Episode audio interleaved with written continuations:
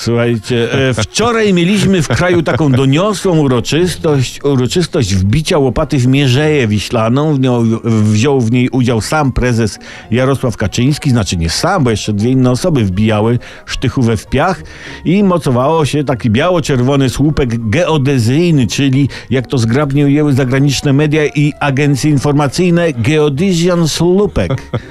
Wbijanie łopaty to już jest taka uświęcona przedwyborcza tradycja PiS, to już trzeci raz w historii przedstawiciele tej partii wbijają łopatę w mierzeję. I zawsze przed wyborami. Przypadek? No tak sądzę, tak sądzę. Y, Z niecierpliwością teraz oczekujemy uroczystości 50. wbicia łopaty w Mierzeję Wiślaną z tej okazji. Zostanie ufundowany klasztor, a nawet łopactwo, łopactwo zakonu teodolitów obutych od świętego Rydla Kopacza. Jeden pan ekonomista, który jest przeciwny przekopywaniu Mierzei, chciał dokopać PiSowi, wbić partii szpadel w plecy inicjatywy przekopu, ale się nie udało.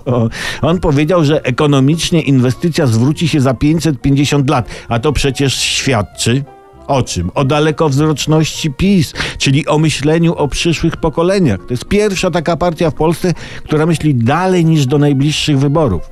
Słuchajcie, za 550 lat, kiedy te, te pokolenia zobaczą pierwszy zysk przepo, z przekopu, to uj, to będzie wielka uroczystość.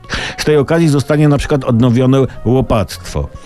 A co na to Mierzeja Wiślana? No cóż, pomyślała sobie wczoraj, a może nawet powiedziała do siebie, ale cicho, bo nikt nie słyszał, chodź z radością. Mam przekopane.